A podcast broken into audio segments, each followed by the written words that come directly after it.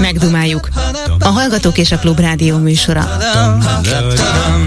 A műsor telefonszámai 387 84 52 és 387 84 53.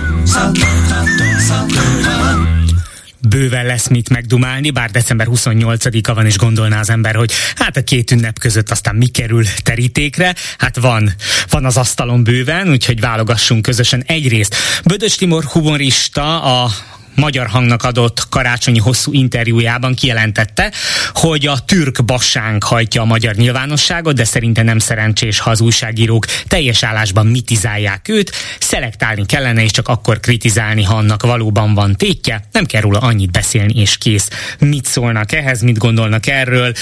Legyen-e úgy 2024-ben, hogy az újságírók, illetve a sajtó, a média, akár a klubrádó is sokkal kevesebbet beszél Orbán Viktorról, egész egyszerűen lesznek lehetnek, vagy lehetnének dolgok, amikre nem reagál senki, és nem mondunk semmit, mondjuk csak minden harmadik vagy negyedik mondatát éri esetleg kritika. Szóval mit gondolnak erről?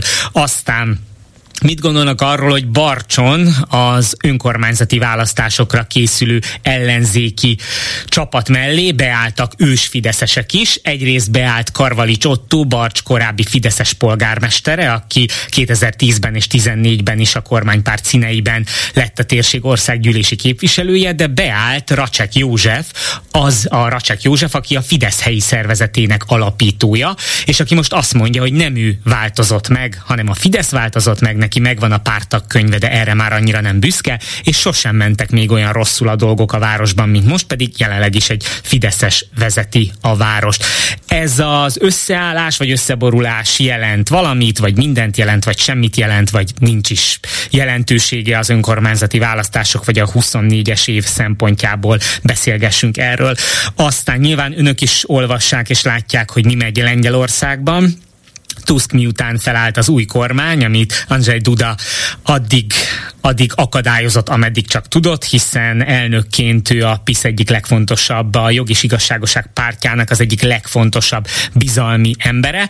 Szóval miután felállt a kormány, Donald Tusk kijelentette, hogy a közmédia nem érdemli meg az adófizetők pénzét, és hát kőkeményen, nyugodtan mondhatjuk, hogy fejszével esett neki Tusk és az új kormánya közmédiának. Egyből leváltották az állami tulajdonú média cégek vezetőit, és újakat neveztek ki. A csere megtörtént, most a lengyel televízió politikailag semleges hírműsort sugároz, de egy másik stúdióból, ugyanis a jog és igazságosak párt politikusai megszállták az épületeket törvénytelenségre hivatkozva, miközben a parlament elismerte, hogy az alkotmánybíróság a Nemzeti Médiumok Tanácsa testületnek azt a jogát, hogy csak ők nevezhetnek ki vezetőket alkotmánysértőnek minősítette, Duda is beszállt ebbe az egészbe, visszaküldte azt a saláta törvényt, amivel a jövő évi költségvetését határozták volna meg a közmédiának, és ami egyébként a pedagógus béremeléseket is tartalmazta volna. De igazából a kérdés ezzel az egésszel kapcsolatban, hogy ha jön egyszer Magyarországon egy,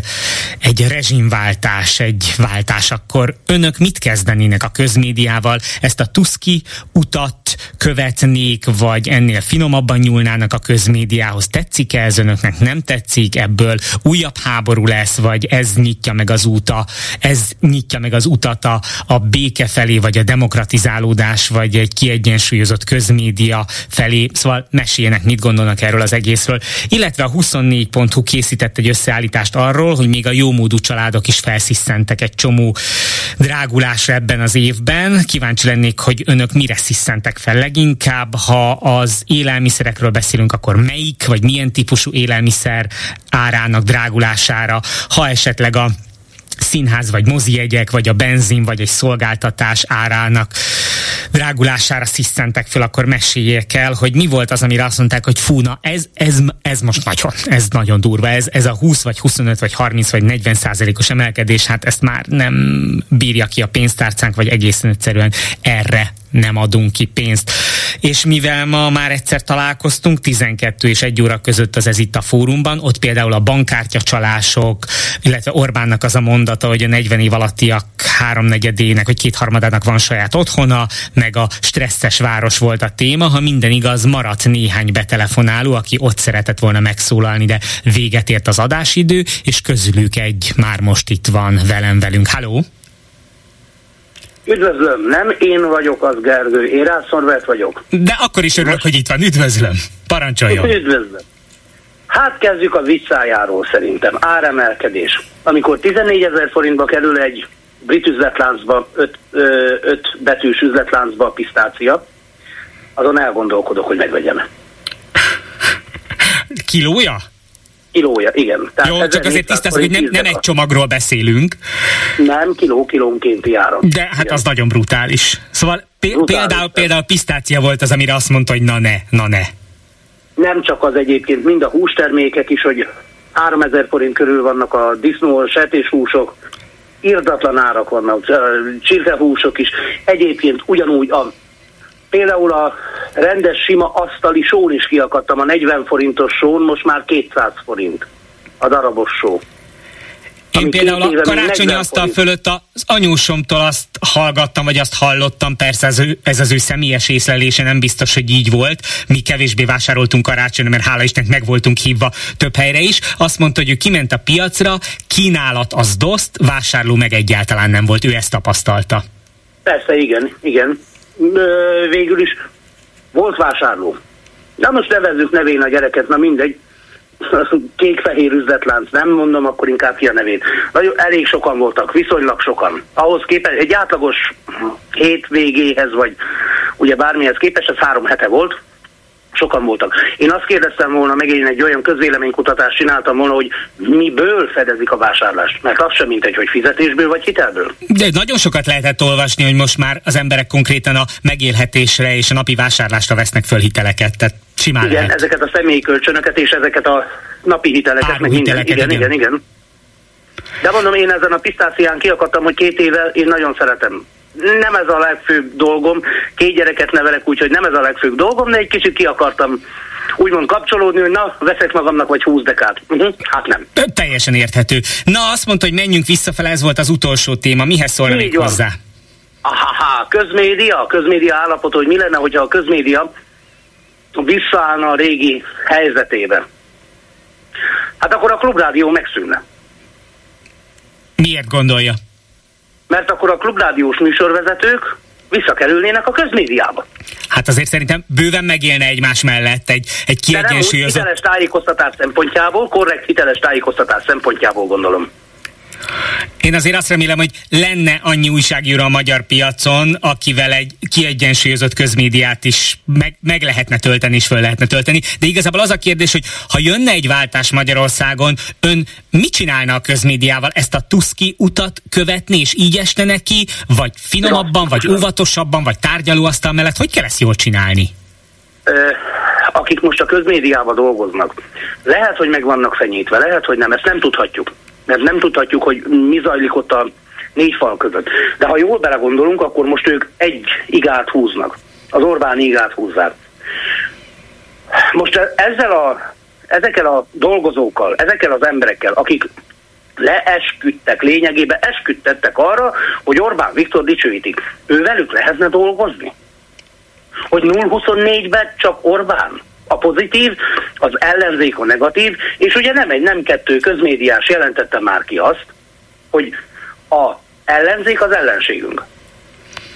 De mi történik akkor is tegyük fel, hogy hogy lehet, hogy csak 6-8-10-15-20 felső és középvezetőt lenne érdemes, vagy kéne leváltani, mert nekem például vannak azért olyan belsős információim, hogy a közmédiában is nagyon-nagyon-nagyon sokan dolgoznak olyanok, akik nem értenek ezzel egyet, ugyan, ugyanakkor nagyon jó most ott a fizetés, viszonylag kevés munkával sok pénzt lehet keresni, azt mondják maguknak, hogy jó, hát az ország megszavazta, és lehet, hogy egy csomó olyan ember van ott, aki arra vár, hogy jöjjön egy normális vezető, és azt mondja, hogy legyetek újra újság újságírók is csináljunk egy jó tévét.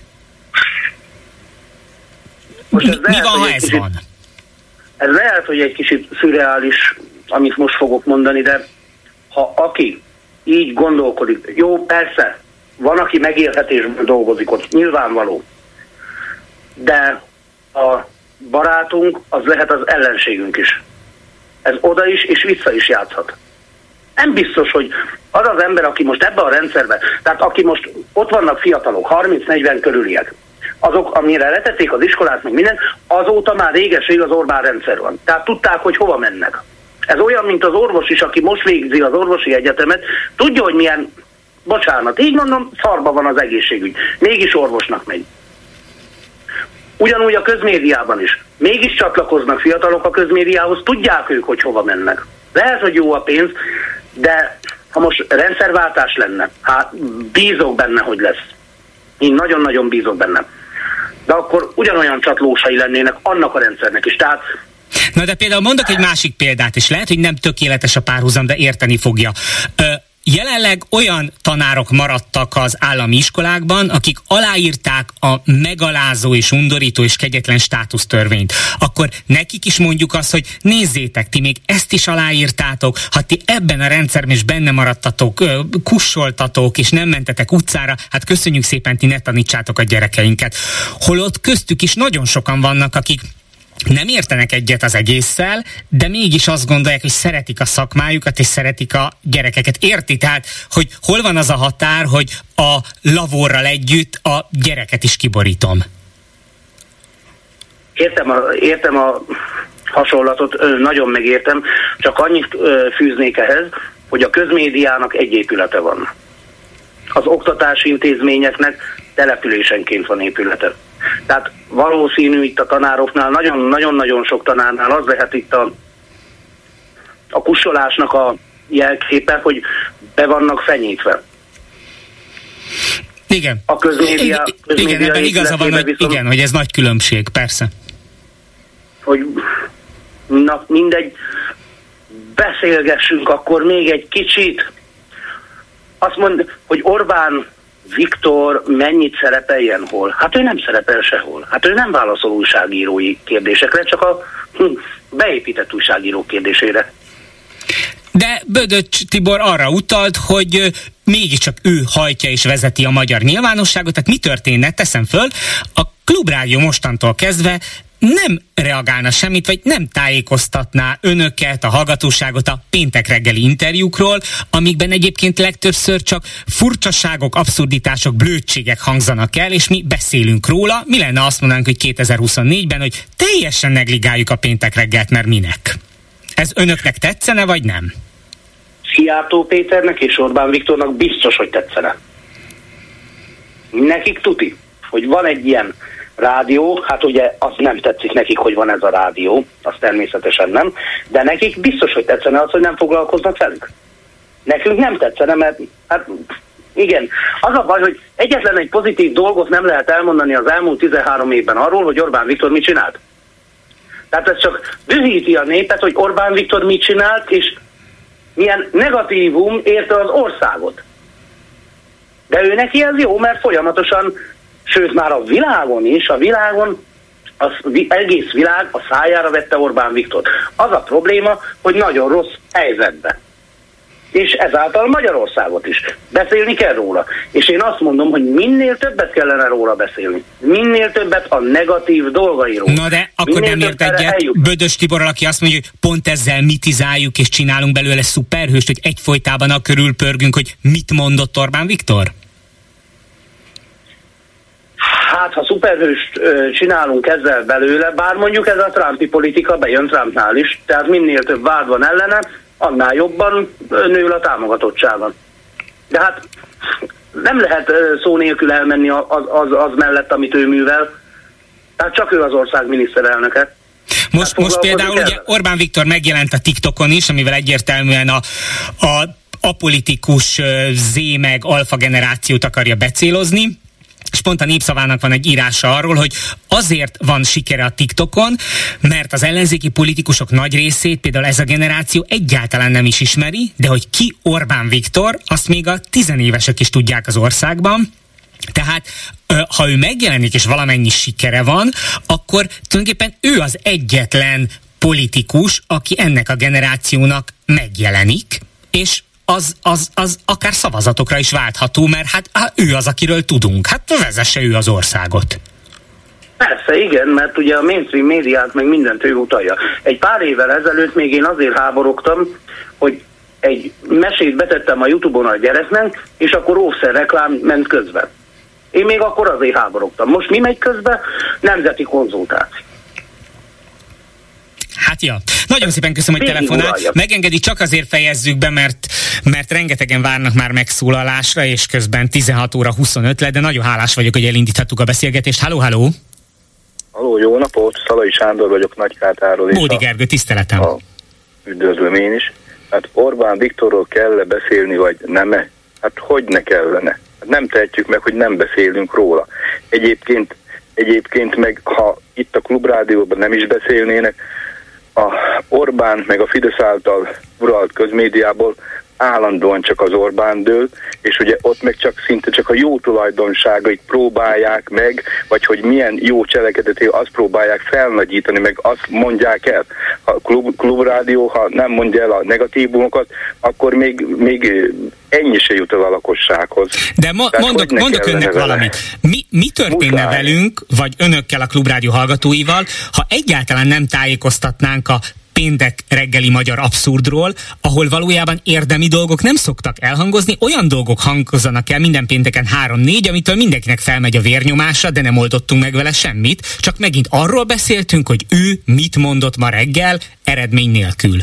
Hát nézze, tárgyilagosan el lehet mondani, hogy mit mondott, de azt még állandóan el kell mondani, hogy az Orbán család hogy gazdagszik, a lányának mennyi kastélya van, a lánya hogy veszi külföldön a szállodákat, vissza nem térítendő állami uniós forrásból akár, milyen gazdag az apja neki, milyen gazdag a, a, a, a, a, lánya, a gyerekei, hogy hogy él az Orbán, a, a, a Mészáros Lőrincnek már nagyobb a vagyona szinte, mint Európában bárkinek, azt tudjuk, hogy az az Orbán, tehát ezeket nyugodtan el lehet mondani, nyugodtan el lehet mondani, hogy hogy viszi külpolitikailag csődbe, hogy szégyeníti meg az országot, gazdaságilag hogy lehetetlenít el, hogy jönnek 10 vagy igen, 13 éve folyamatosan az Unióból a források, jönnek, jönnek a pénzek, és, és ha az nem jön, akkor csődbe vagyunk. Tehát ezeket nyugodtan el lehet mondani én szerintem. Ez, ez, ez, sajnos az Orbán ennek a rendszernek a feje, ennek a rendszernek a jelképe. Ez ugyanolyan, mint a Horti rendszernek volt a Horti Miklós, a Rákosinak meg a Rákosi Mátyás. Hát, vagy a Németországban annak idején a Hitler. Hát, nem lehet, nem lehet ezeket az emberek, ebből az emberről nem, nem beszélni, csak a negatívumokat, amik ugye a közmédiából nem fognak elhangzani a büdös életbe se. Ott szó nincs arról, hogy az Orbán Ráhelnak most mit tudom én Spanyolországban megint hozzájutott valamilyen szállodához, vagy Magyarországon már a Balaton környéke mind az övé az összes szálloda. De egyébként... egy szót nem lehet elmondani. Vagy, vagy a Mészáros lőncs 46 ezer hektár földbirtokot bitorol Magyarországon. Hát a Németország mennyivel nagyobb nálunk, és ott a legnagyobb földbirtokosnak én úgy tudom 33 ezer hektár van a tulajdonában. De én egyébként Lőrinc... akkor látok egyezést abban, amit ön mond és Bödös Tibor, mert ön is azt mondja, hogy oké, okay, beszéljünk a következményekről, a rossz lépésekről, igen, beszéljünk igen, a igen. hazugságokról, hogyan, hogyan de, lehet, de ha ki, kiböffent valamit, ami abszurd, értelmetlen, és megint csak, megint csak provokáció, azzal ne foglalkozzunk, foglalkozzunk a, a tényekkel, a következményekkel, vagy na, a rossz eredményekkel. Próbáljuk, próbáljuk meg azzal, hogy, hogy mit csinál az ellenzékkel. Bocsánat, az ellenzék 90-ben meg lett szavazva a, a, a több pártrendszer, benne volt az is, hogy az ellenzéki pártok állami támogatást fognak kapni. Hogy meri ez a, ez a, ez a potrohos senkiházi elvenni a pártoknak a pénzét? és akkor utána meg csodálkozik, hogy a szerencsétlen pártok választásokra üres kasszával, és akkor elfogadják esetleg a, a nyugaton vagy Amerikában élő ö, ö, magyar származásúaknak a, a felajánlásait. Hát miért ne tennék? Engem az nem zavar. Engem az zavar, hogy az Orbán az én, meg az ön, meg a többieknek az adóját használja el a, a saját Fidesz, meg a saját propagandájára. Engem az zavar. Az, hogy nyugatról kapnak támogatást, akár magánemberektől, akár szervezetektől, abszolút nem zavar. Abszolút nem zavar. Engem az zavar, hogy a magyar adófizetők pénzét miért plakátozza ki. 10 milliárdok, és ez már, ez már hanyadik plakátkampánya neki, számoljunk már egy kicsikét. Hát jó, de ha úgy nézzük, akkor nekem még sosem volt jaktom, és most például van. Tehát tudom, hogy a, a Rosdorn vasmacskájának egy része az én adumból, az én pénzemből van, és kicsit úgy érzem, hogy nekem is van egy jaktom az Adriai tengeren. Nyilván ironizálok, de tökéletesen értem, amit mond. Köszönöm szépen, hogy telefonált, és akkor nézem a Viber felületet. Szerintem sem kellene mindent megírni Orbánról, például minden oldal megírja, hogy az unokáival van a Facebookon, meg hasonlókat. Aki ér, akit érdekel, az nézegesse az oldalát. Többen írják, hogy mi az a termék, az a szolgáltatás, amire legjobban felsziszentek a 2023-as évben. Egy magyar üzletláncban egy darab magyar alma 299 forint reklámáron, illetve a kötelező biztosítás több mint másfélszeresére nőtt, miközben nem volt káreseményem. Ez köszönő viszonyban sincs a hivatalos inflációval.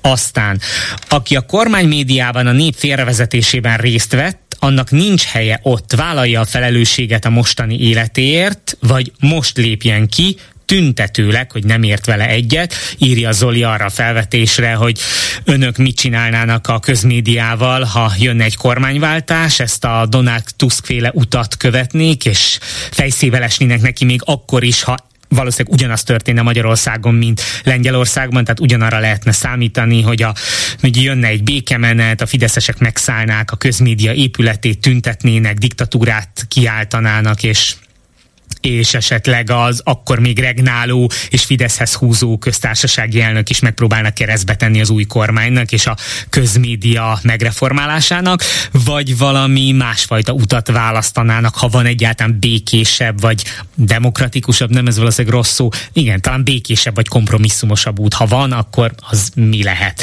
És akkor gyorsan nézem a SMS felületet is, még mielőtt kapcsoljuk a következő betelefonálót azt mondja, hogy kedves műsorvezető, szerintem vannak pedagógusok, nem is kevesen, akik nem kussolnak, hanem tanítanak, és mivel egyelőre nincs kivetítve a hírekbe 10 percenként, hogy ki, hol és hogyan, még sokan normális módon, normális tananyaggal ö, oktatnak és nevelnek, és nem kellett aláírni semmit, ha nem tiltakoztak írásban, akkor zsákban vannak, igen, értem is, meg nem is. Háló, háló! Halló! Üdvözlöm, parancsoljon! kívánok, Kati vagyok. Én tegnap este érkeztem haza a repülővel Budapestre, Angliából. A gyerekeimnél voltam kint karácsony uh, utánig, és hát az emberekkel való kapcsolatban, ugye egészségügyi dolgozó voltam 40 évek, és hát uh, meg tudom állapítani, hogy hogy néznek ki a mai magyar emberek. A boltba, az utcán, mindenhol a mosoly nélküli arccal mennek. Abszolút eszükbe se jut, hogy most éppen majd új év közeledik, és hogy köszöntenék egymást, vagy én meg szoktam kérdezni a boltba is, hogy hogy van. Hát csak néz rám, és nem tudja, hogy mit kérdezek, hogy hogy van. Na hát jellemző dolog, ugye az angol emberek, azok is most jelen pillanatban nem éppen a leggazdagabbak, de attól függetlenül ott azért intelligensebbek az emberek, jobban segítenek, pláne én egy 80-an túl üdés asszony vagyok, és látják, hogy a csomagomat például most a repülőtéren mindenki, a török, a nem tudom milyen népi ember, mindenki segítséggel volt, vagy a felszálltam a repülőtéren a buszra, rögtön átadták a helyet, holott nem éppen egy rossz, rogyan asszony vagyok, tehát össze se tudom hasonlítani itt a magyar dolgokkal, hogy, hogy abszolút a gyerek például um, köhög, azt mondja a lányom, mondom, hát adjál neki valamit, kislányom. Azt mondja, 13 éves az unokám, hogyan anya, nem Magyarországon vagyunk. Azt mondja, mondja, köhög, egyelőre nem lázas, nem olyan beteg, nem futunk rögtön az orvoshoz, és nem adok neki semmit. Még térzokniba járnak az iskolába, ezek a kislányok, 13 éves kisgimnazista, és erre, amikor mutatták a prágai tragédiát is, erre megszólal a gyerek. Mama, mi minden hónapban készülünk ezekre a dolgokra, minden hónapban eljátszok ezeket a dolgokat, hogy megtámadják őket az iskolába bármikor, és föl vagyunk rá készülve, mert bizony olyankor azt mondja, ott kell maradnunk, és végig csinálják ezt az egész tortúrát, mint amit ugye, hát itthon ugyan nem látom, Angliában se, de az is megcsináltatják velük, ugye mondom, hogy még kis gimnazista a kislány, és hogy, hogy fölkészítik őket. Tehát ők rögbit játszanak, hiába leány a tornaórán rögbi, és olyan tornákat csinálnak, hogy itt a szemünk elállna, ha tudnánk, és a lényeg az, hogy táska nélkül mennek 9 órára, nyugodtan, kipihenve, és úgy ülnek be a padba, ugye, mert Facebookon dolgoznak, és nem kell táskát vinni. Most is láttam neki a hétvégére, vagyis szünetre az adott dolgokat, hogy miket kellett tanulni, vagyis miket kell megtanulniuk. Küldenek egy A4-es lapot, és azon ott van a földrajztól a történelemig minden, és azt ki kell neki tölteni. Hát a francia, franciául tanulnak, meg spanyolul, tehát azok a könyvek, és olvasott belőle, és mondott bizonyos dolgokat. Hát nem úgy élnek, mint mi, mert hogy sütött a nap, megmondom őszintén, nadrágba a férfi, meg kínai papucsba. Hát amikor szület 12 fok volt, már a férfi már csak egy szálcikóba jött az utcán, hát 20 fokra kell nekik a lakásokat fő, fűteni, ha fűtenek, de a lányom volt vendégségben olyan helyen, ahol be se kapcsolták a, a fűtést, mert olyan drága. Tehát bizonyos dolgok ott is drágák, de viszont az élelem ilyesmi, bármit vidáman haza tudott hozni, nem olyan nagy a család, tehát nagyon jól éltünk, nagyon jól éreztem magamat, és csak azt tudom mondani, hogy azért az emberek sokkal nyitottabbak, kedvesebbek. Itt meg senki, piacon voltam, se egy mosoly, semmi, alig volt ember, alig volt volt, és 11 órakor, hát mert kimegy oda az olyan árakhoz, hogy, hogy az ember én a kis nyugdíjas, hát nem tudok megvenni. Sajnos vegetáriánus vagyok, és nem jártam jól, mert a zöldségek sajnos majdnem drágábbak, mint a húsok. Hát egyszer megyek a, a héten boltba, csak épp, hogy átléptem a 100 ezer forintot, 40 évi egészségügyi dolg, dolgozó voltam, egy laboratóriumban dolgoztam, és hát most lépem át, vagy most léptem át múltkor a 100 ezer forintot. Most kérdezem én önt, hogy 80 éves korom után valóban a gyógyszer, meg a, a, az egész napi kiadások, ha boltba mennék, nem is tudnák megélni. De ehhez tartozik, hogy még elmondtam 80, de még mai napig is dolgozok. Eddig Pestre jártam takarítani 20 évig, most a 80 éves korom után már tudják, hogy idős emberekre szoktam vigyázni. Most így 100 éves Miki, Miki bácsira Budapesten a 22. kerületben, most a fia hazajött külföldről, most az van vele, én pedig itt a mamára 96 éves nagymamára vigyázok, és hát egy kriminális mama volt, és nem tudtak egy nővért mellé adni.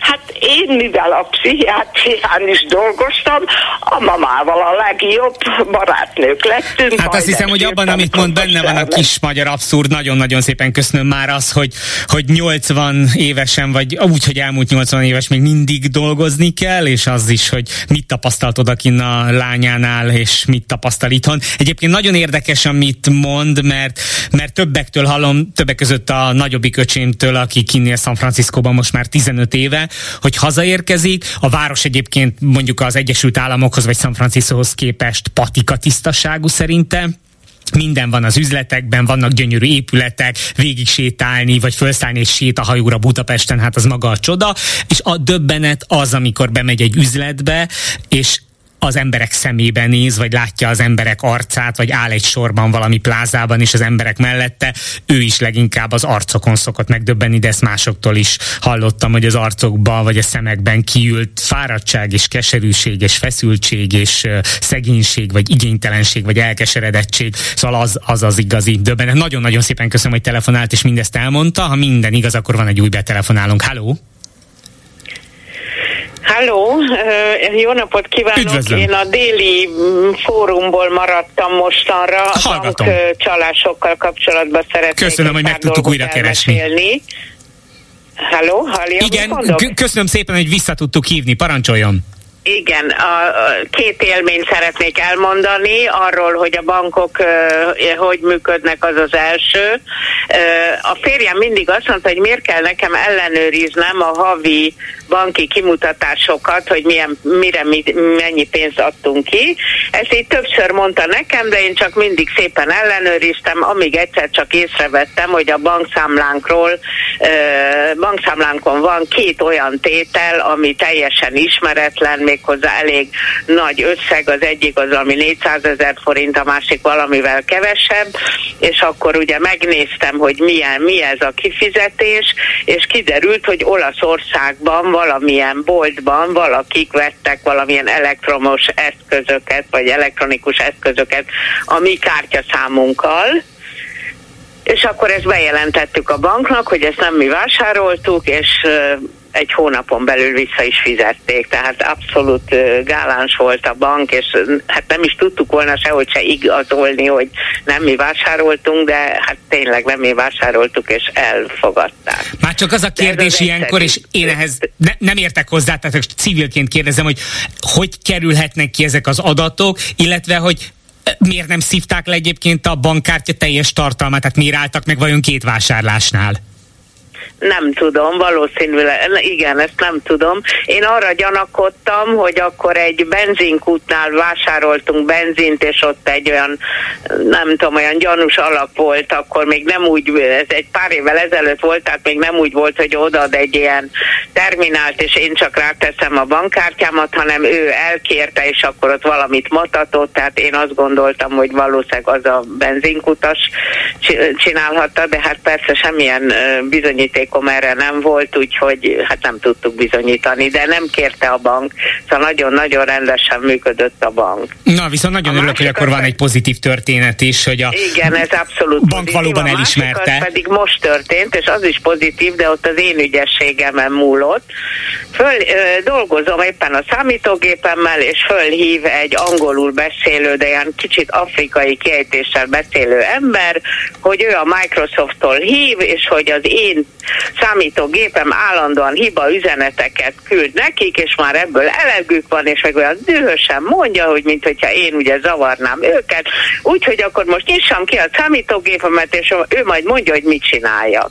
Hát én rögtön rosszat sejtettem, nem mondtam, hogy a számítógép előtt ülök, mondtam neki, hogy hát én most ezt nem tudom elintézni, küldjön nekem egy e-mailt, amiben írja le, hogy mit kell csinálnom, és én majd megcsinálom. Nem, nem, nem, ezt most azonnal meg kell csinálni, mert folyton hiba üzeneteket kapnak, mondja nekem ez az ember, egyre vadabbul és, és erősebben és, és, és dühösebben, én meg folyton mondom neki, hogy küldjön egy e-mailt, részletesen írja le, hogy milyen lépéseket kell követnem, és én azt meg fogom csinálni. Nem, nem, ő majd bemegy a gépembe, és ő megcsinálja, mert nekik elegük van abból, hogy én folyton hiba üzeneteket küldök. Hát ebben maradtunk, én továbbra is mondtam, hogy küldjön egy e-mailt, és aztán dühösen lecsapta. Hát teljesen evidens, hogy nem a Microsofttól volt, hogy nem, hogy nem véletlen, hogy nem akart e-mailt küldeni, és hogy persze be akart lépni a számítógépembe. De Azt a mindenit, milyen, milyen rafkósnak, ilyen megoldásról még nem hallottam, de milyen jó indítás, hogy nem kér valamit, vagy nem megijeszt, hanem egyből fenyeget, és azt mondja, hogy ön követett el valamit, és ezt azonnal le kell állítani. Ez ügyes. Igen, ezért is gondoltam, hogy ezt be, megtelefonálom önöknek és a más hallgatóknak, Köszönöm. hogy így járjanak, mert, mert hát ez láthatólag egy lehúzási akció volt, de, de nem sikerült az illetőnek. Köszönöm szépen, hogy telefonált. Na, akkor gazdagodott a gyűjteményünk, tehát nem csak, nem csak azt mondják, hogy, hogy nem csak adatokat kérnek, sőt, most már sokszor nem adatokat kérnek, hanem egy program letöltésére buzdítanak, de van, aki esetleg így kezd már, hogy elmondja, hogy ön a hibás, vagy mi vagyunk a hibásak, és azonnal segítenie kell, mert megőrülünk az ön hiba üzeneteitől. Kiváló. Nagyon tetszik? Ne dőljünk be neki. Háló, háló! Haló! Üdvözlöm, Üdvözlöm hallgatom, parancsoljon! Jó napot kell, vagyok, én Győrből telefonált is. Én egy, igazából csak egy hölgyet hallgattam itt, bele, bekapcsolódva a műsorba, egy idősebb hölgyet, aki Angliából jött haza, és azt hiszem javítson ki, itt a kolléganőtől kérdeztem, hogy a, mert a témát sem tudtam, hogy a, az életszínvonal Magyarországon valami ezzel kapcsolatos. Hát arról mesélt a hölgy, hogy a lányánál volt kinő elmúlt 80 Igen. éves, és most, hogy visszaérkezett, elmesélte, hogy, hogy a legdurvább az emberek arcára ránézni, vagy az emberek Pontos, szemébe Igen. belenézni, mert abból látszik leginkább, hogy hol tart az ország. Teljesen. Én Bécsbe szoktam kiállni, ugye innen nincs messze egy óra, 10 perces út vonattal is, tehát abszolút alá tudom támasztani, és hogy, hogy ennek ellenére, hogy milyen sokan járnak ki oda dolgozni is, ezt bizonyára ön is tudja, és itt voltak itt különböző adatok is, hogy mennyi magyar ember jár ki dolgozni, sőt, ki is települnek Ausztriába, pláne ide a burgálandi része, és szóval annyira abszurd a két világ közti különbség, ennek ellenére, tehát én szerintem nagyon sokan tisztában vannak vele, hogy milyen árak és milyen um, körülmények vannak, ugye, amit amit alapvetően a demokrácia, a demokratikus értékrend határoz meg. Bocsásson meg, me- mesélek önnek valamit. Először is ugye lehet tudni a legutóbbi közvéleménykutatásokból, hogy a Fidesz szavazóinak a fele, majdnem fele 46 százalék 60 pluszos korosztályba tartozik, és egyébként kis településen élők, alacsony keresetűek, nehéz körülmények között élő emberek, ők biztos nem mennek külföldre, tehát ők nem látják, hogy mi van Nyugat-Európában, nem olvasnak nyugati újságokat, és kis településen nem biztos, hogy az alkotmány meg a demokrácia érdekli őket, hiszen 40-50 évben nézik a tévét, megtermelik a kiskertben a paradicsomot, bevásárolnak a kisboltban és elmennek misére, de én voltam egy ilyen kis településen szavazatszámláló tavaly, mi van most, igen, tavaly igen, áprilisban, és legalább ki- kimentünk hogy a mozgóurnával egy csomó olyan idős hölgyhöz, aki már nem nagyon tudott mozogni, és szinte mindegyik elmesélt. Egyébként nagyon kedvesek voltak, süteménnyel vártak, látszott, hogy ki vannak éhezve az emberi szóra. Leültettek, és szinte mindegyik elmesélte, hogy megmutogatták az unokának, dédunokának a képeit, melyik melyik országban él, elmondták, hogy jaj, már egyik sincsen itthon, mert hogy itt és itt, és mennyit keresnek, és milyen jó dolguk van, és utána behúzták a, a X-et a Fideszre, tehát nem állt össze az, hogyha az összes Igen. unokája, meg dédunokája már külföldön van, akkor vajon miért mentek el? Mert ők nem ismerik nézze.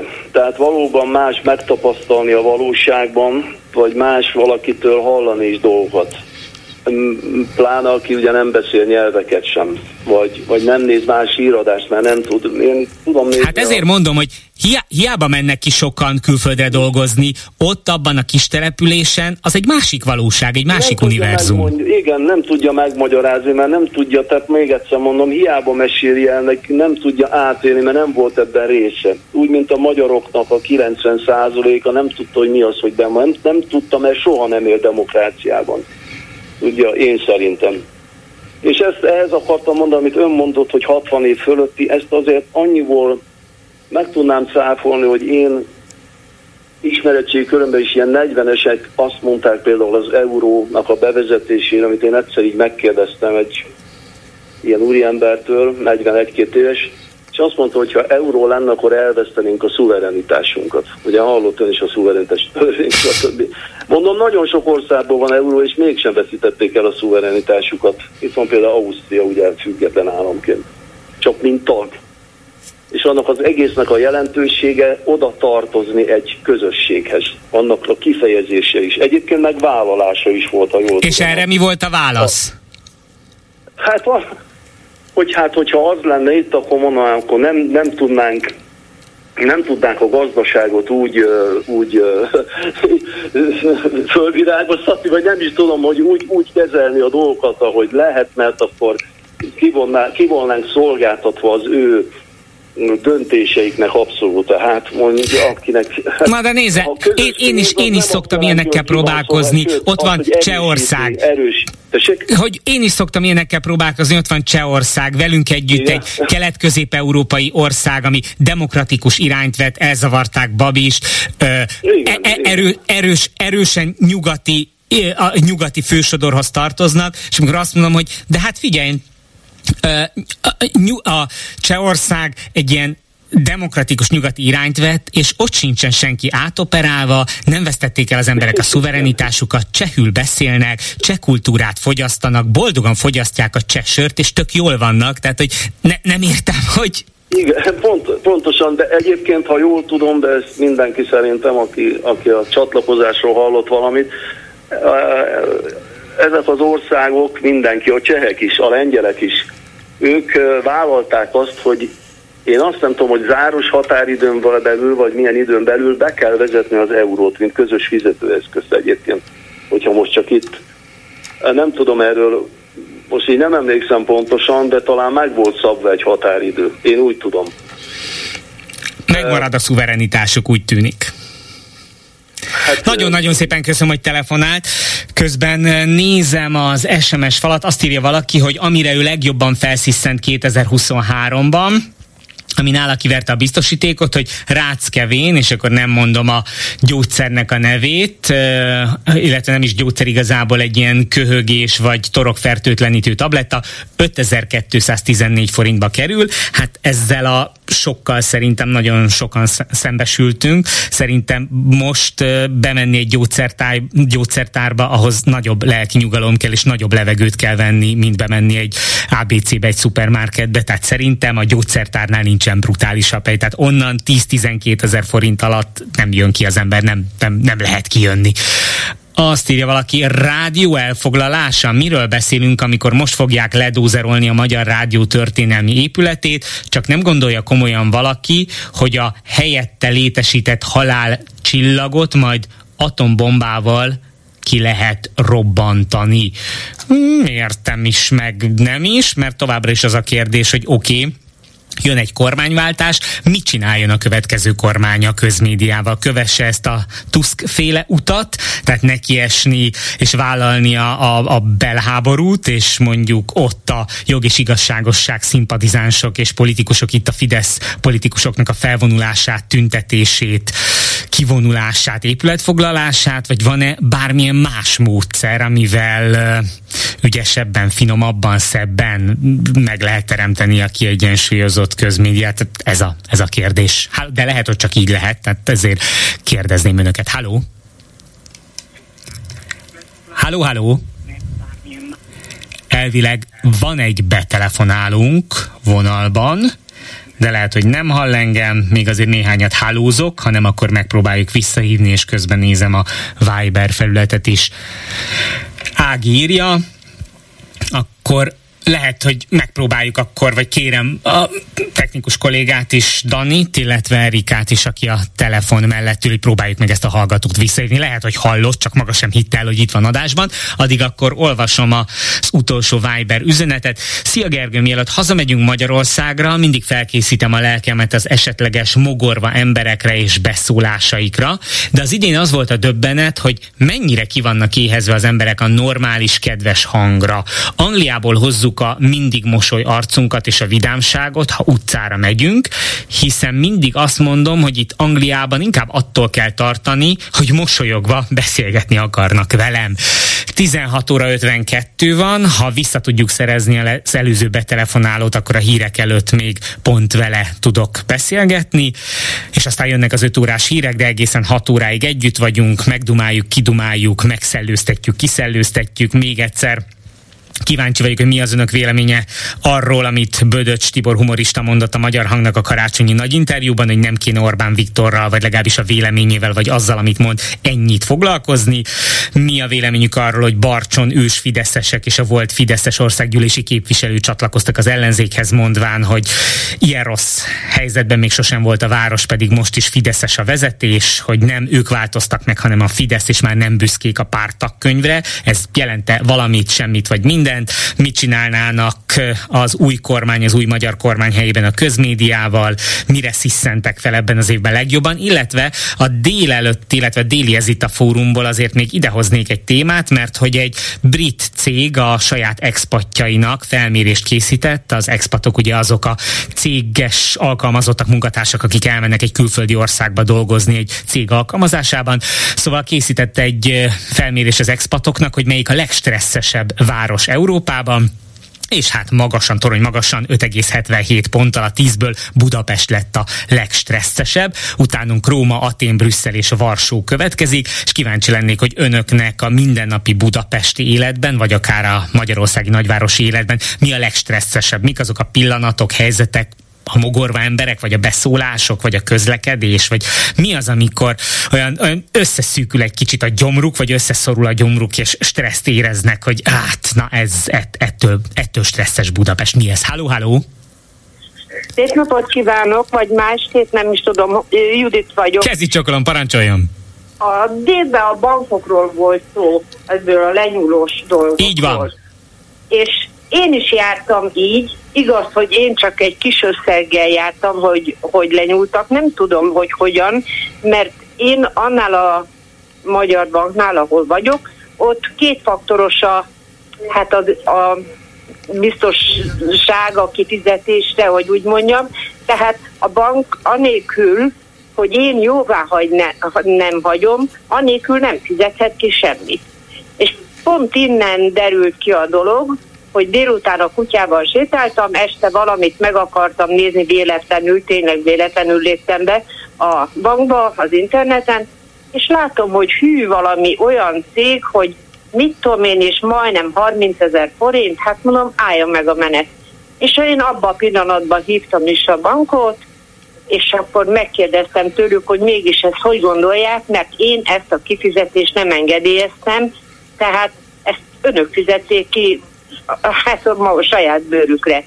És akkor ezt felvették, jegyzőkönyv, minden volt, és másnap rajta volt az összeg a, a számlámon, visszaadták, és lényeg az, hogy, hogy utána volt egy hölgy, akivel hát tényleg nagyon kedves volt, aranyos volt, és mondta, hogy hát egyszerűen egyetlen mozdulat, hogyha letöltöm az applikációt, de hogyha a számítógépen is belépek, egyetlen mozdulat, hogy a nullára teszem az internet kifizetéseket, kész.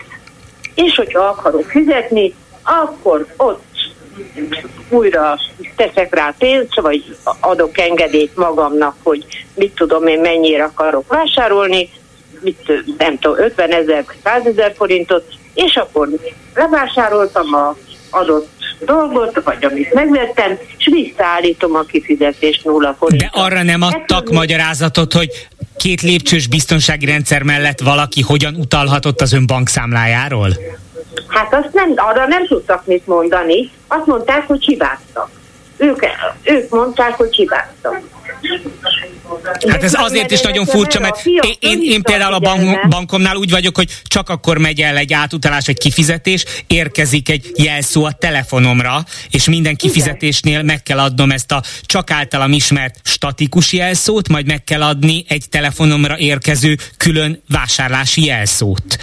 Hát ha Igen. ez az ön telefonjára nem érkezett meg, akkor azért ez nagy kérdés, hogy a, hogy lehetett utalni a számlájáról. Hát igen, ezért voltam, tehát ezért azonnal, ahogy telefonáltam, de ők el is ismerték, hogy, hogy engedélyem nélkül fizették ki, és valaki, nem tudom, hibázott, és hát ez történt, de megkaptam a, a pénzt. Mondom, másnap ott volt a számlámon az összes. Viszont azóta én óvatosabb vagyok, fölvilágosítottak a gyerekeim, hogy van egy olyan bank, amit Magyarországon szeretnek szívni, szívni nem magyar bank, csak nincs magyar fiókjuk, tehát nem lehet bemenni reklamálni, vagy bármi ügyet intézni.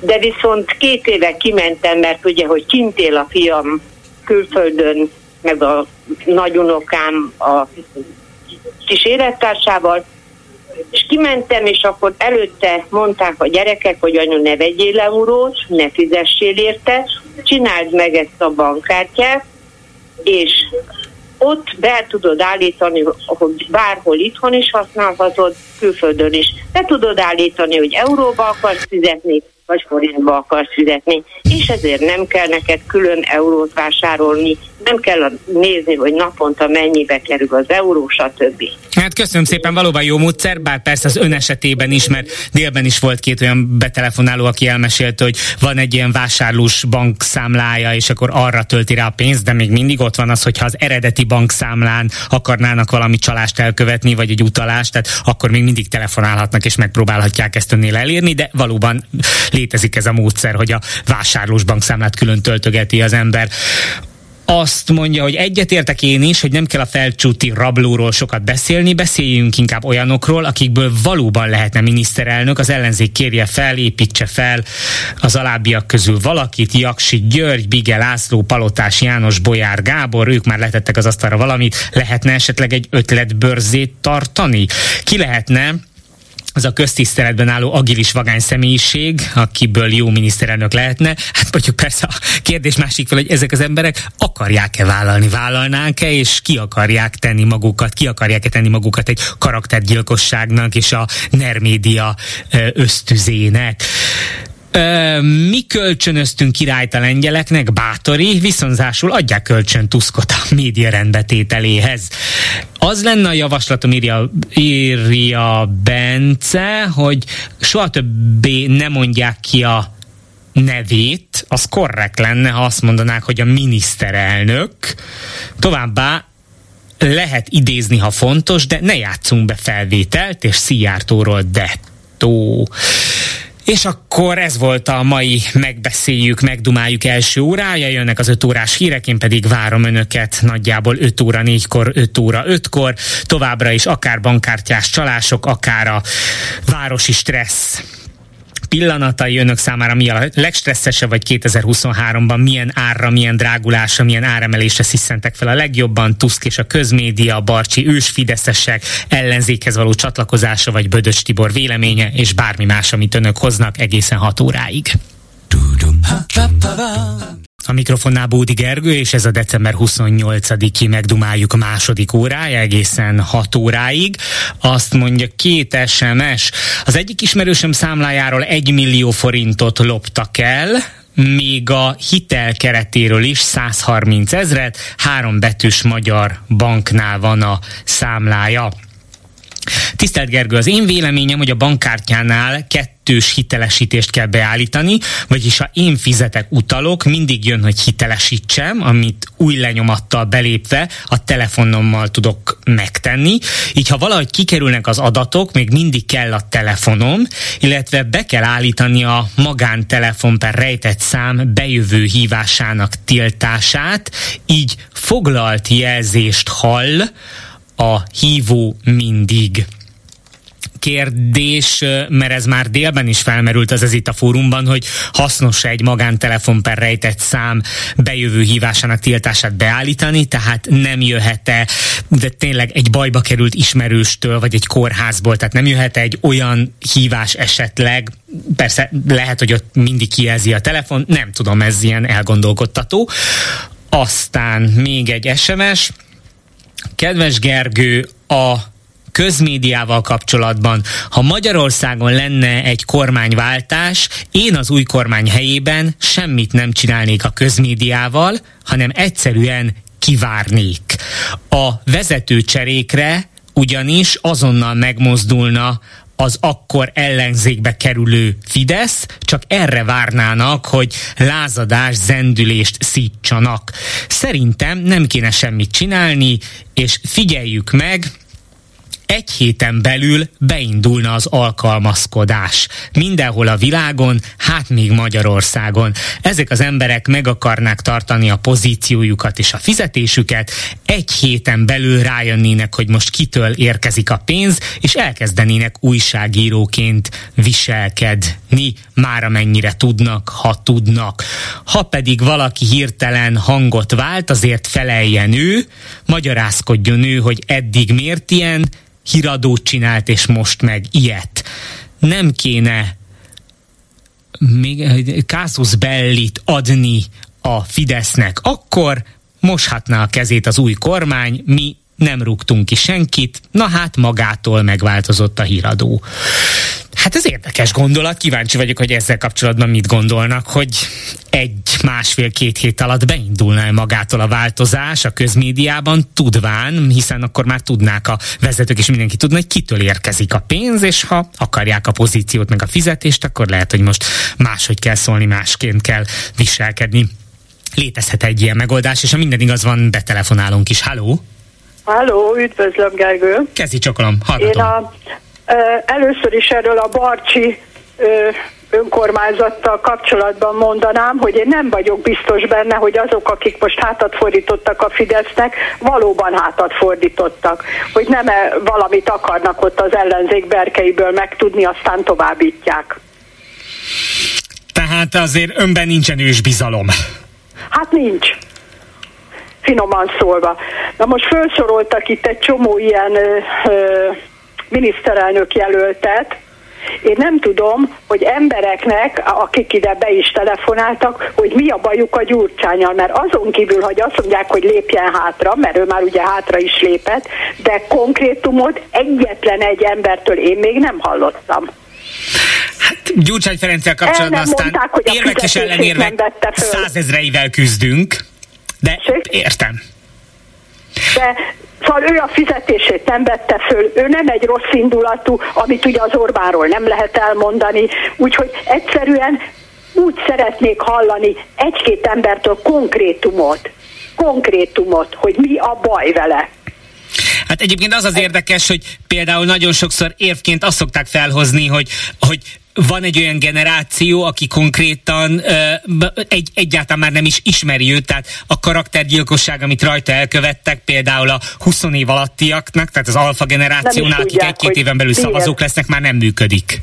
Én már nem vagyok 20 év alatti, de én se tudom, hogy miért. Fogalmam nincs.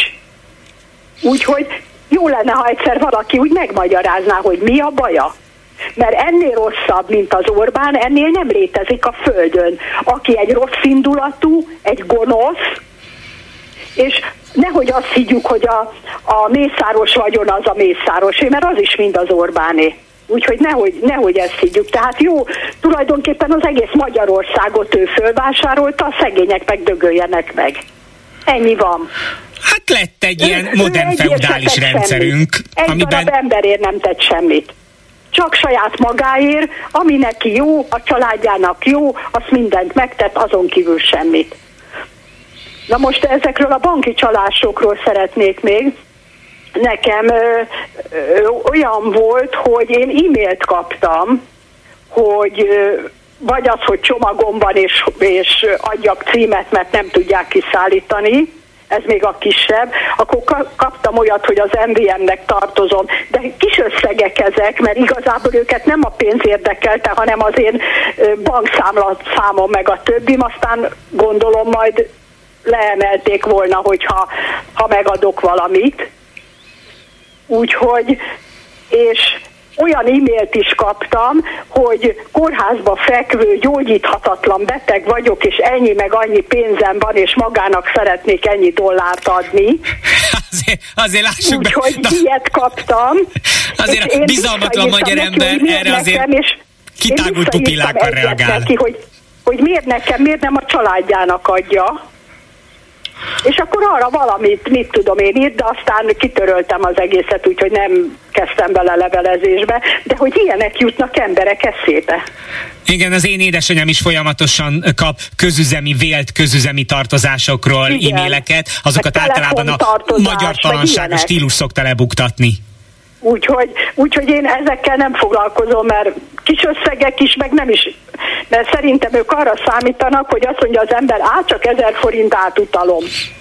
De őket nem az ezer forint érdekli, hanem maga a, a többi adat. Nyilvánvalóan. Nagyon köszönöm, hogy telefonált, köszönöm és hogy akkor önnel Köszönöm, elkezdhettük a második órát, és ha minden igaz, akkor ebben a másodpercben befutott egy újabb betelefonáló, mindjárt megpróbáljuk kapcsolni, illetve egyszerre egy Viber üzenet is. Azért ahhoz jó, vaknak és süketnek kell lenni, hogy valaki soha egyetlen érvet nem hallott Gyurcsány ellen. Bocs, írja valaki kissé felháborodva. Hát azért is mondtam, hogy nyilván Gyurcsány Ferenc ellen és mellett érvek e- ezreit lehetne felhozni egyik oldal, másik oldal. Azért nyilván az egyik Orbánnal együtt, vagy Orbán mellett, bár ez sem igaz, hogy csak ők ketten lennének, hiszen van rengeteg ellentmondásos figura, de nyilván az, az nem az nem se érvnek, se ellenérvnek nem hangzik azt mondjuk, hogy az egyik legellentmondásosabb legmondásosabb figurája a mostani magyar belpolitikának. Halló, halló! Jó estét kívánok! Tiszteletem, parancsoljon! Én nem parancsolok, mert én nem parancsolok senkinek, én csak kérdezek, vagy kér, mondok valamit. Itt a médiával kapcsolatosan. Ezek az emberek, akik most jelen pillanatban a királyi tévénél dolgoznak, meg a Mészárosnak a mit tudom én milyen Wörsber, vagy mit tudom, minek nevezik ezt a semminek mondó Media újságot. Works. Mert nem újság, csak propaganda. Én megmondom magának őszintén, ezek az emberek olyan sagnyalok, hogy ezeket nem lehet a helyén csak azt lehet csinálni, amit Lengyelországban csinált most a kulturális miniszter, ha lesz itt valamikor az, aki ért hozzá, és elfogadja azt, amit ön, mint kritikus, sokkal tisztában van az egészen, mint én. Én csak ugatom, mint a hordat a kutya, ezt a média, meg a, a kultúrát. Nézze, nekem nagyon régóta az a véleményem, amióta Magyarországon se jogállam, se kultúra nincs, csak olyan kultúra van, amit kierőszakolnak a, a színészek, vagy a művészek, nevezzem úgy, ahogy akarom őket, de addig még egy Vinyászki Attila, lemondok, nem mondok, fölmondok, nem mondok. Hát esély nekem már megmondani, hogy van-e olyan ember ebben az országban, aki, mint Vinyászki Attila többek között, amit bevállalt, mindent tud csinálni azok az emberek, akik színművészetbe mennek, azok nem azért mennek, hogy segget nyaljanak, kimondom úgy, ahogy gondolom, tudásért, és van tehetségük. De ha a tehetséget félretesszük, csak az a jó, aki csak azt tud mondani az előbb, amit mondtam, nem ismétlem meg, abból nem lesz színész, ne haragudjon. Soha büdös életben. Én nekem ez a magánvéleményem. Egyszerűen ebben az országban ez az ember, ott fönn a várban, a Színház utcában, mert nekem nem Kolostól, meg semmi, nekem Színház utca maradt, Színház maradt, továbbra is, ott a disztér környéke, akár tetszik valakinek, akár nem, én nem is tudom, hogy önök is miért mondják, hogy Karmét a Kolostól. Annyi köze van hozzá, mint Makonnak Jeruzsálemhoz. Az, hogy ez 900 éve az nevezték, az egy dolog de hogy most is önök is, újságírók, mindenki annak nevezi, hát én megmondom őszintén, nem vagyok egy nagyon képzett ember, de nekem nem tetszik. Megmondom, azért nem tetszik, mert annak van egy utcaneve, ott van, rendben van. De amióta ez a Döbrögi fölköltözött, ezzel én taxisztam még 2020-ig, amíg a Covid nem jött be, én nagyon jól tudom, hogy előtte lemehettem a múzeum, a könyvtárakhoz, bárhova oda le, aztán mikor ez oda költözött, akkor ez mind megszűnt, lezárták a sorompót, elkerítették a az ő által hozott a színház utcai színházat, a, a várszínházat, teljesen, oda nem lehetett bemenni se gyalog, se kocsival, sehogy. De lemenni a könyvtárba vagy valahova, oda se lehetett. Egyszerűen azt mondták a kedves turistának, hogy itt a Disztér 17 előtt szállják ki, azt gyalogoljál le. Csak kérdezem én önt, ha én megyek egy akármilyen múzeumot megnézni, teljesen mindegy. Ha nekem ott 800 métert kell gyalogolnom ahhoz, hogy bemehessek bármelyikbe, azért, és szakad az eső, vagy akármi, akkor nekem van ahhoz kedvem, hogy elmegyek, és még fizessek is érte. Értem, és jogos kérdéseket tesz fel. Köszönöm szépen, hogy megosztotta a véleményét, és akkor adjuk a lehetőséget egy következő betelefonálónak. Halló!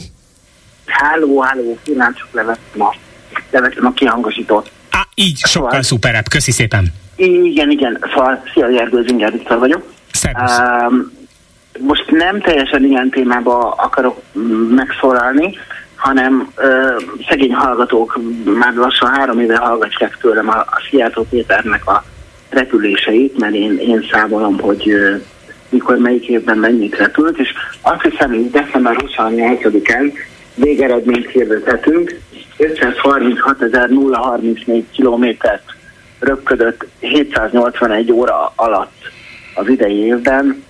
Ha ezt megszorozzuk 3 millió forinttal, ment a 781 órát, akkor nagyjából ki, kijön az, hogy mennyibe került ez nekünk.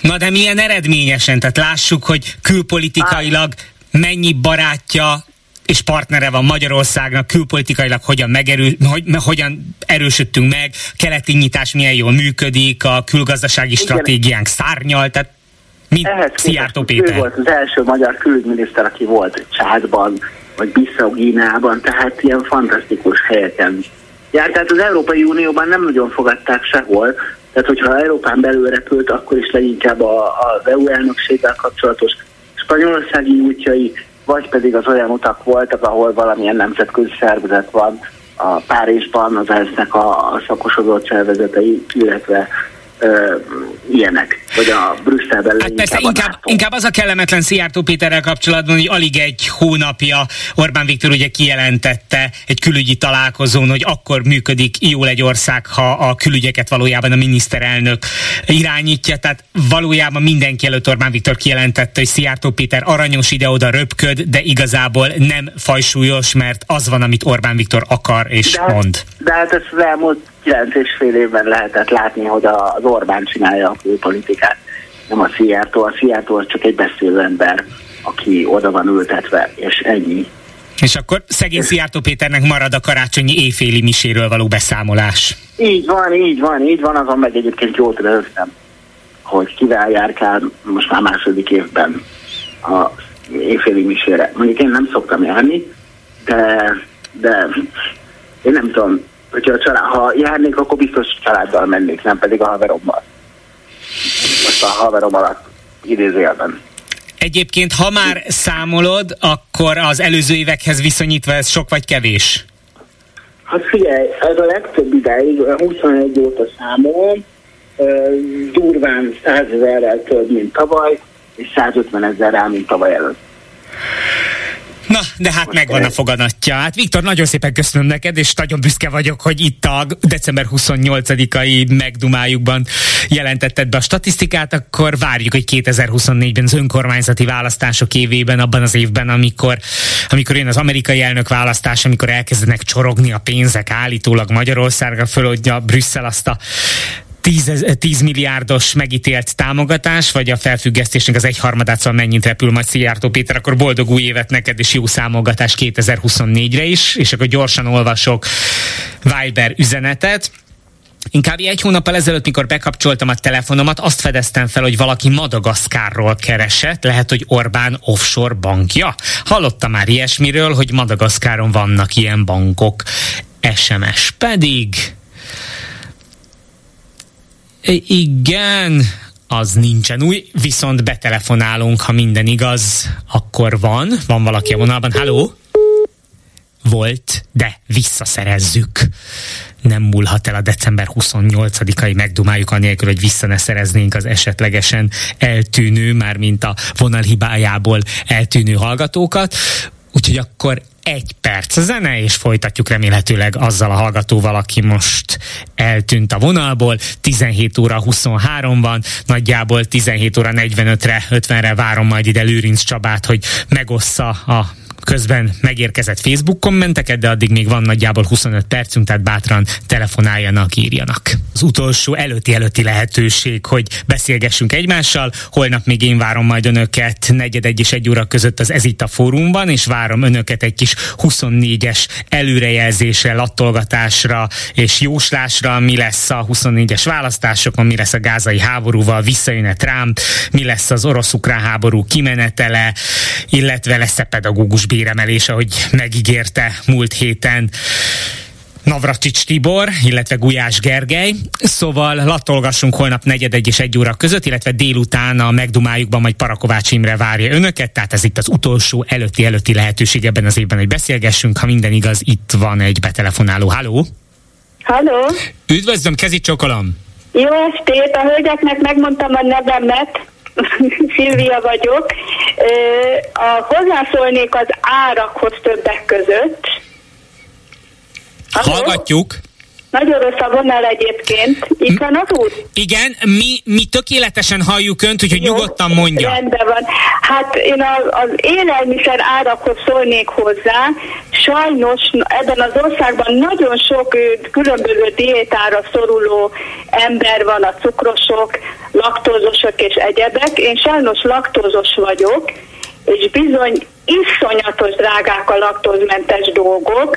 Mondjuk egy 25 ekás laktózmentes vaj, ami a Covid alatt fölment majdnem 3000-re, az aztán szépen visszament, és most újra 1000 forint egy 20-25 dekás laktózmentes vaj, vagy a tej. Az akciós laktózmentes tejeket úgy kell vadásni, mert az igen drága laktózmentes tejek mindenhol kaphatóak, de már az akciós tejek, ha elfogy, több helyen, ami el, kitett, kitett mennyiség elfogy, utána aznap már nincs is több.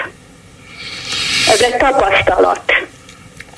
Ma kim voltam a piacon, a Lehelen, én nagyon szerettem régen a malac húst, a malac karaj például egy nagyon jó rántani való dolog, és engem még minden. Majdnem hanyat estem, hogy 3000 forint egy kiló malac comb. Hát az tény, hogy vérnyomás gyógyszer helyett piacra járni, élelmiszerboltba járni, gyógyszertárba bemenni a legtökéletesebb. Na jó, ma voltam gyógyszertárba is, és 34.200 forintot hagytam ott. Ez mondom ismerős, nekem is az a tapasztalatom, hogy elég csak egy ilyen torokfertőtlenítő tablettáért bemenni, tehát ilyen 6-8-10 ezer alatt nagyjából semmi nincs a gyógyszertárban. Hát ez sajnos a kötelező gyógyszereknek egy igen kicsi része volt, amit ma kiváltottam, mert már egyszerre régen úgy csináltam, hogy a három havit kiváltottam egyszerre, hogy lemenjen a gond de ezt már nem lehet megtenni, mert ez, amit ma kiváltottam, ez csak egy kicsi része volt a kötelező kettők számára megvető gyógyszer. És ez 34.200 forint volt. Hát köszönöm szépen, hogy mindezt elmesélte. Bár csak tudnék 2024-re bármilyen jót kívánni, de a kormány propaganda ellenére nem hinném, hogy igazi pozitív változás történik. A jó esetben megusszuk 2024-ben egy ilyen stagnálással, de félek, hogy még ennél is rosszabb lesz. Köszönöm szépen, hogy mindezt elmondta. Valaki ír a banki csalásokkal kapcsolatban egy véleményt, illetve egy saját élményt. Arra a kérdésre, hogy én utaltam-e az elmúlt 10 percben kétszer is 100 ezer forintot, határozottan azt válaszoltam, hogy igen. Egyrészt a, a utána egyrészt igen. A gyors igen válaszom nagyon meghökkentette, türelmet is kért a csaló, gondolom utána nézett, hogy ilyen esetben mit kell mondania, majd jó 15 másodperc szünet után még egyszer rákérdezett, ismét gyor, igen, ismét gyorsan igent mondtam, pláne, hogy az általa megvezetett bankban, megnevezett bankban semmiféle számlám nincs. Úgyhogy jót nevettem, majd letettem a telefont, írja valaki az SMS falon, és nézzük a Viber üzenetet. A jófogás.hu oldalon meghirdetett árura, árura jelentkezett vevő küldött egy linket, hogy arra klikkelve átutalja nekem az áru ellenértékét. A link egy OTP-t utánzó oldalra vezetett, a belépési kódokat kellett volna megadni, ez is átverés. Olyan nincs, hogy én aktiváljak egy nekem szánt befizetést, vigyázzanak, üdvözlettel G. Vilmos, ez velünk is megtörtént otthon, szintén egy ilyen árukereső oldalon kaptuk, hogy mi előre fizessük ki, mert, mert ő úgy szerződött a futár céggel, na mindegy, de hogy igen, árukereső oldalokon is nagyon erőteljesen próbálkoznak e, írja, mutatja valaki, küldött valaki egy képet, egy magyar vaj, 1459, hogy az emberből kibudjon a nevetés, igen, a, nem tudom a grammot megsatszolni, talán 500 gram magyar vaj, 1499. Hát az Isten irgalmazon. Háló, háló! Halló, jó estét kívánok! Kezdj csak Elnézést, egy kicsit reket vagyok, de boldog vagyok, hogy tudok önnel beszélni, imádom a kezd délelőttöket. Azt Jaj, szeretném kedves. mondani, hogy arról beszélgettek, hogy mit lehetne tenni egy esetleges rendszerváltás idején a magyar televízióval, meg a magyar ö, csatornákkal, amelyiket most a propaganda csatornának használja a kormány. Hát nem sok gondunk volna, mert odáig nem jutnánk el. Véleményem szerint Orbán Viktornak van egy magánadserege, és igazán nem, nem volna gond azzal, hogy, hogy na most hagyjuk a, a magyar televízió és rádió vezetőit, vagy pedig hát váltsuk le, és, és valaki más tegyünk a helyükbe. Sajnos nekem ez a véleményem dolog. Egyébként kire, kire utal, amikor azt mondja, hogy magánhadsereg? Hát én például a tekre gondolok. De hát az továbbra is állami pénzből gazdálkodik, tehát a teknek a vezetője az a mindenkori kormány által kijelölt vezető.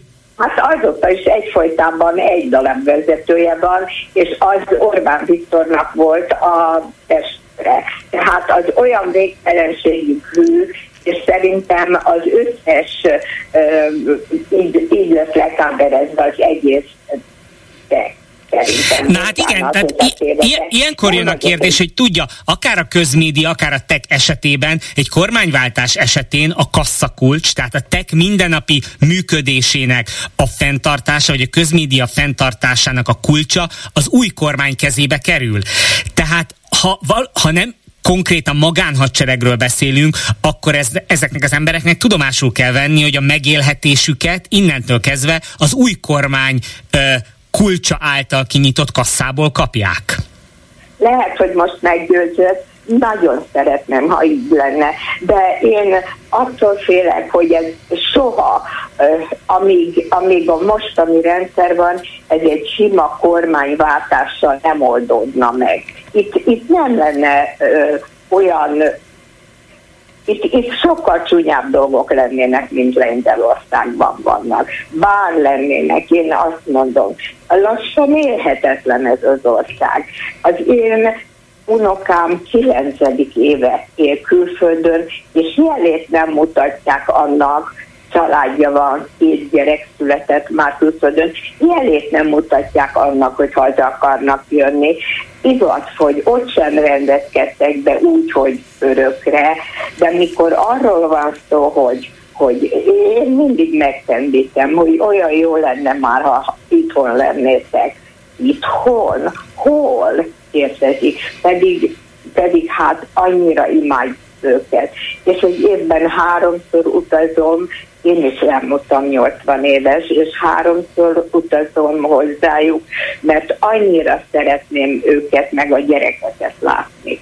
És, és reménytelen gondolatom az, hogy egyszer itt berendezkedünk, és, és és mindig átmehetek csak hozzájuk, nem kell repülőre ülnöm, órákig rögdösnöm, és, és ki gondolta volna, hogy én elmúltam 80 éves, és úgy röpködöm, mintha élnék a Mikuszocsér. Hát szóval nagyon, az, hogy itthon az emberek nagyon rossz kedvűek és megorvák, ez is igaz. De mitől legyen jó kedvű?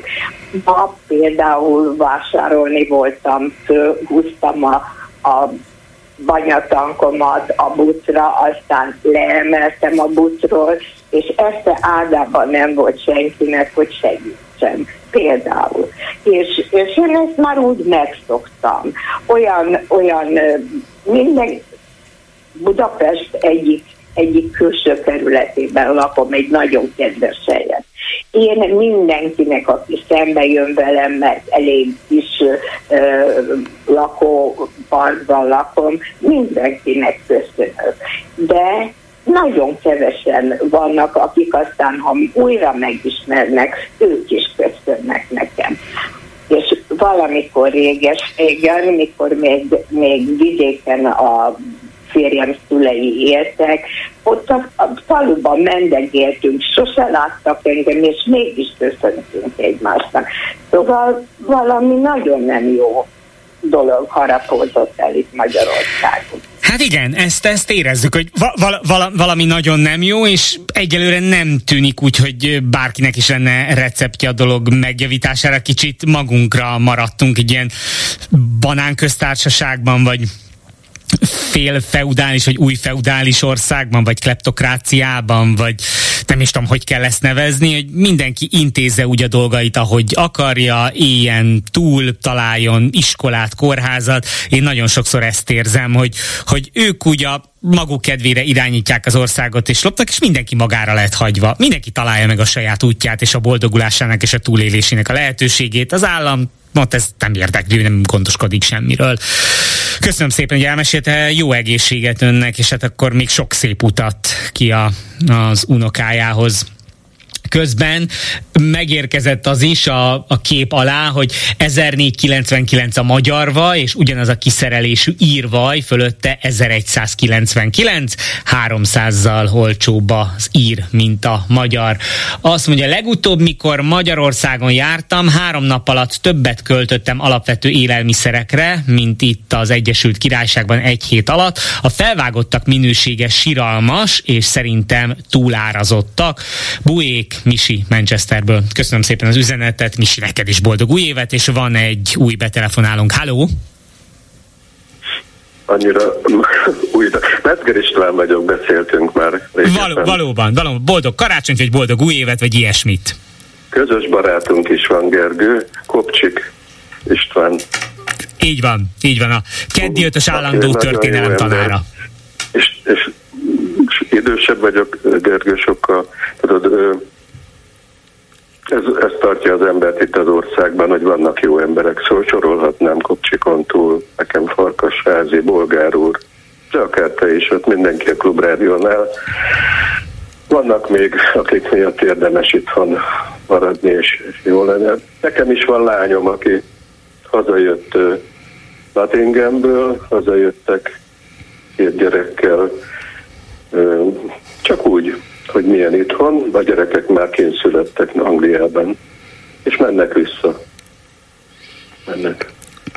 Haló? Igen, igen, hát nekem van egy ilyen élményem, azt talán vagy a fórumban, vagy az ötösben elmeséltem, talán az ötös elején, hogy most a, a luxemburgi Magyar Ház meghívására kim voltam októberben, tartottam egy ilyen kis csapatépítési játékot ismerkedős délutánt, és uh, aztán este Grecsó Krisztián volt ott a vendég, uh, amire visszamentem, és, és olyan, olyan szív szak, szakasztó, vagy hogy is mondják ezt, nagy rettetesen szomorú volt látni, hogy ott ült 100-120 ember, a 30-as, 50-es generáció legjava, tehát mindenki az én korosztályom volt, 30 és 50 között, mindenkinek a gyereke már ott született, vagy már ott jár iskolába, természetesen nyugatra tekintenek, eszükágában sincs hazajönni, és ott láttam azt a hiányzó munkaerőt, hiányzó értelmiséget, hiányzó intelligenciát, aki egyébként nagyon kéne ebbe az országba, és akik ott ültek abban a teremben egytől egyig.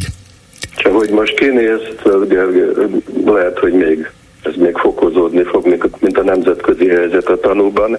De azért majd egy nagyon rövid kis vidám kis történetet olvastam éppen a nyelvtudással kapcsolatban én dicsekedtem már azzal, hogy ukrajnai menekülteknek segítünk magyarul, akár angolul is alapfokon tanulgatni, természetesen ingyen tesszük ezt, és, és gyerekeket is tanítgattunk, majd ezzel kapcsolatos egy kis régi történet így a nyelvtudással kapcsolatban, de hogy mi, mitől lehet először az, hogy szomorú az ember? Én naponta szégyelem el magam, legutóbb nagyon ez a kisúnyogás.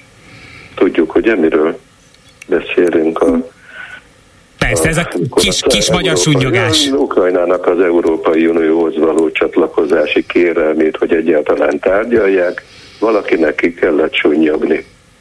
Egy odasugták neki, hogy most nyomás kifelé, akkor nem lesz nagy balhé, és lesz majd lóvé is. Bocsássa meg gyorsan, ide idézem, nem tudom, látta az idei plakátkiállítást, az én kedvenc plakátom az volt, hogy egy óriási kék felületen, csak az volt odaírva nagybetűkkel, hogy kis sértett járja be Európát. Jaj, nagyon jó. Ennél frappánsabbat én nem tudok jó. mondani a 2023-as magyar helyzetre.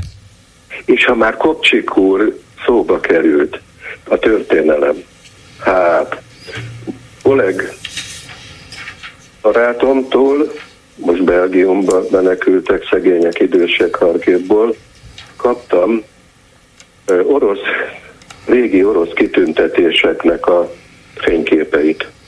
Hogy írja Oleg, hogy ez értekes lehet nekünk, és tanulságos. És miről szólnak ezek a kitüntetések, amiket én ismertem ilyet, miután vadászpilóta voltam a második világháború, nem, nem akkor voltam vadászpilóta később, de, de érdekelt mindig a történelem, és a felszabadított városok a második világháborúban kaptak ilyen kitüntetéseket, akár Budapest felszabadítása után a szovjet katonák. Ez oké, okay. csak hogy egy gyilkos rablóbandát csináltak Hutleráj belőlük, ez nagyon bosszant engem. És a most amit kaptam fényképeket az orosz, régi orosz kitüntetésekről, hát Hát nyilván oroszul van rajta, még, még az a régebbi, de teljesen érthető. 1849-es béke teremtés vagy rendcsinálás Magyarországon.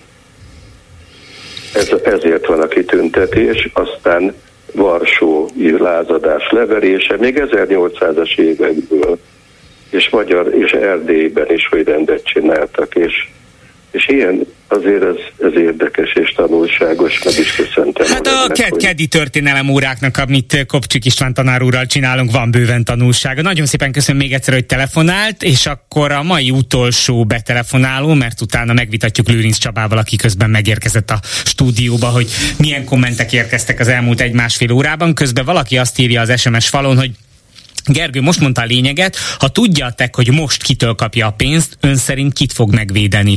Hát igen, jó az értelmezés, most tőlük kapja a pénzt, de egy kormányváltás esetén a pénz az új kormánytól jön majd, mert a tech fenntartása az egy állami költségvetési keretből megy, aminek a, a kulcsa, vagy annak a kasszanak a kulcsa az új kormánynál lesz. Tehát most persze, hogy kit véd meg a tech, egyértelmű, de amikor a megélhetésük az új kormánytól függ, ez a kérdés, és akkor van egy utolsó betelefonáló nálunk. Halló!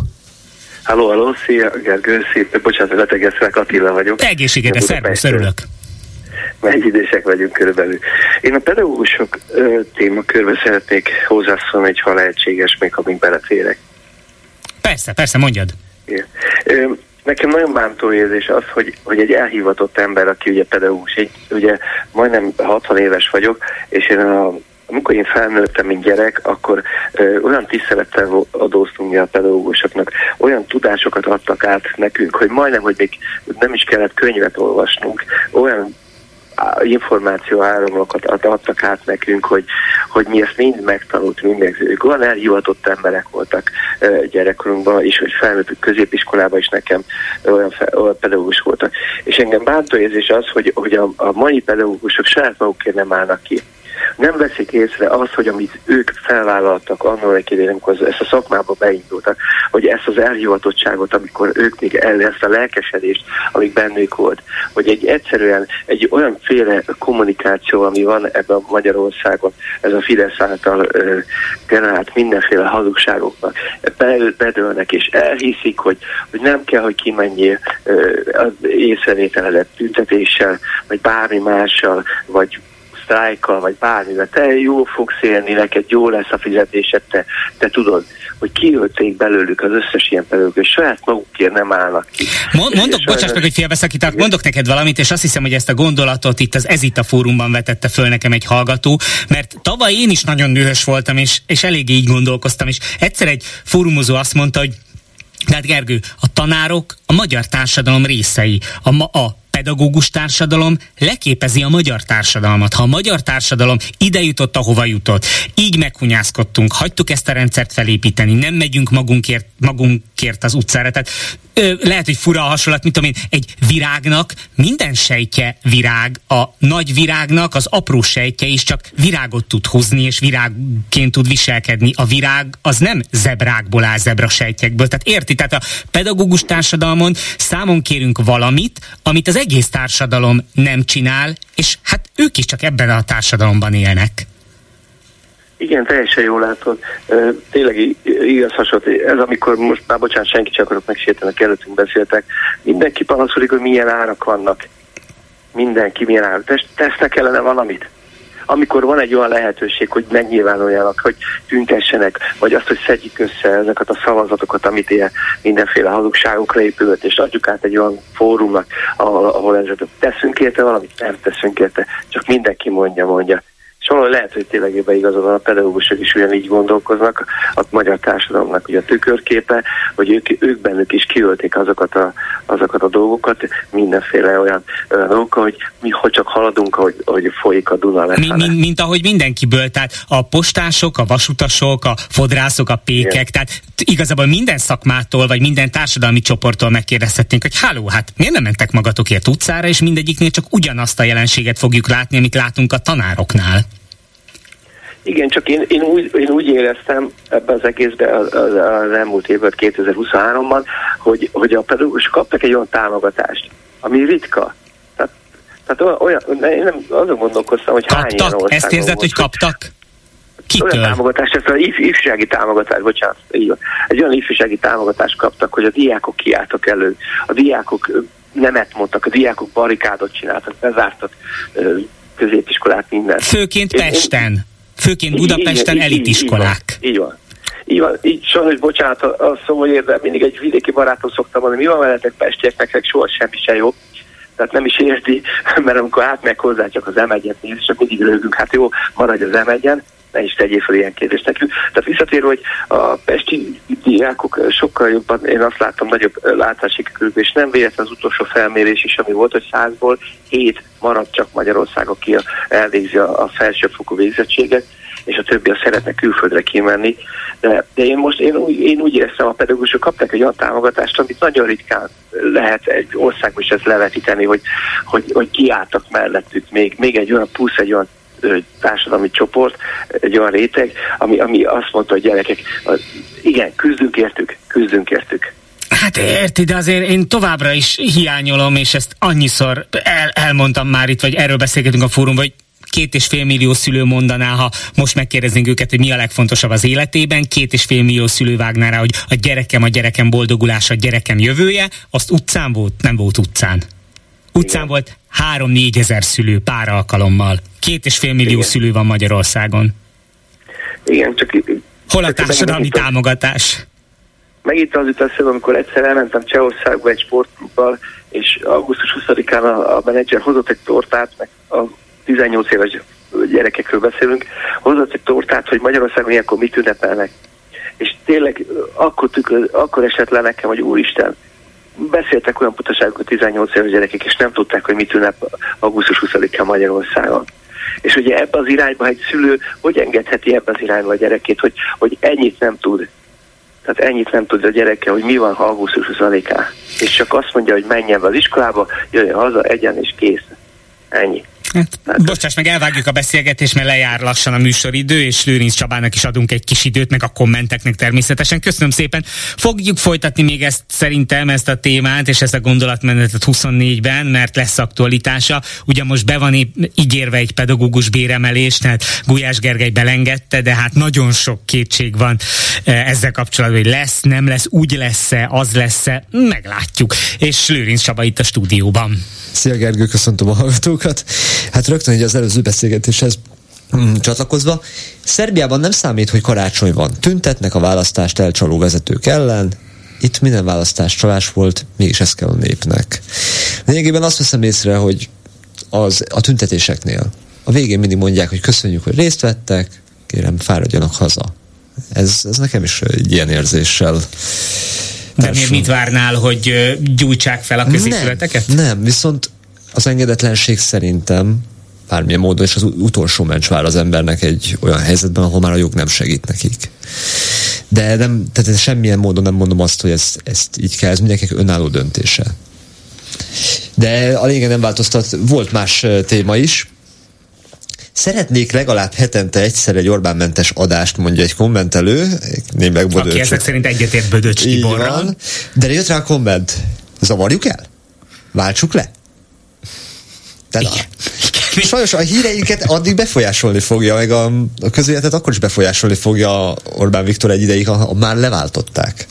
Tehát ez, ez elkerülhetetlen helyzet. Bár erre azért eszembe jut, hogy fú, na most kéne tudni, hogy kitől idézek, fú, melyik írónktól, na mindegy, a, úgy szól az idézet, hogy, hogy ilyen, ilyen, de egyébként lehet, hogy Parti Nagy Lajos, ha nem ő, akkor elnézést kérek tőle, bár inspirált ez a gondolat, hogy, hogy ilyen időkben készülni kell, tanulni, egymást művelni, okosodni és felkészülni azokra az időkre, amikor már nem ez a rendszer kell. Tehát lehet, hogy egyébként azt az időt én saját életemben sokszor érzem, hogy, hogy ahelyett, hogy elolvasnám, hogy Orbán Viktor megint mit mondott, és hőzöngenik, és felmenne a vérnyomásom, és kaparnám a falat, ha aznap ahelyett csak elolvastam tíz sort egy könyvből, akkor a szellememért, a lelkemért, és egyébként egy hosszú távú megoldásért sokkal többet tettem, mert amikor majd lesz egy váltás, akkor szükség lesz az ö, okos, értelmes, normális emberekre. Tehát képezzük magunkat és műveljük ahelyett, hogy a, a belpolitika vagy az Orbán Viktor által uralt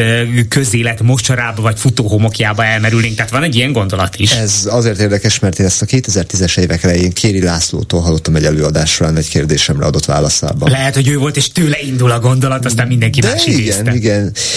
Az, az nagyon fontos tényleg, hogy fo- a probléma az, hogy a közélettel azt nem fogjuk tudni megkerülni igazán. Tehát mindig lesz egy időszak, egy pont, amikor foglalkoznunk kell vele. Ez, erről szól ez az egész.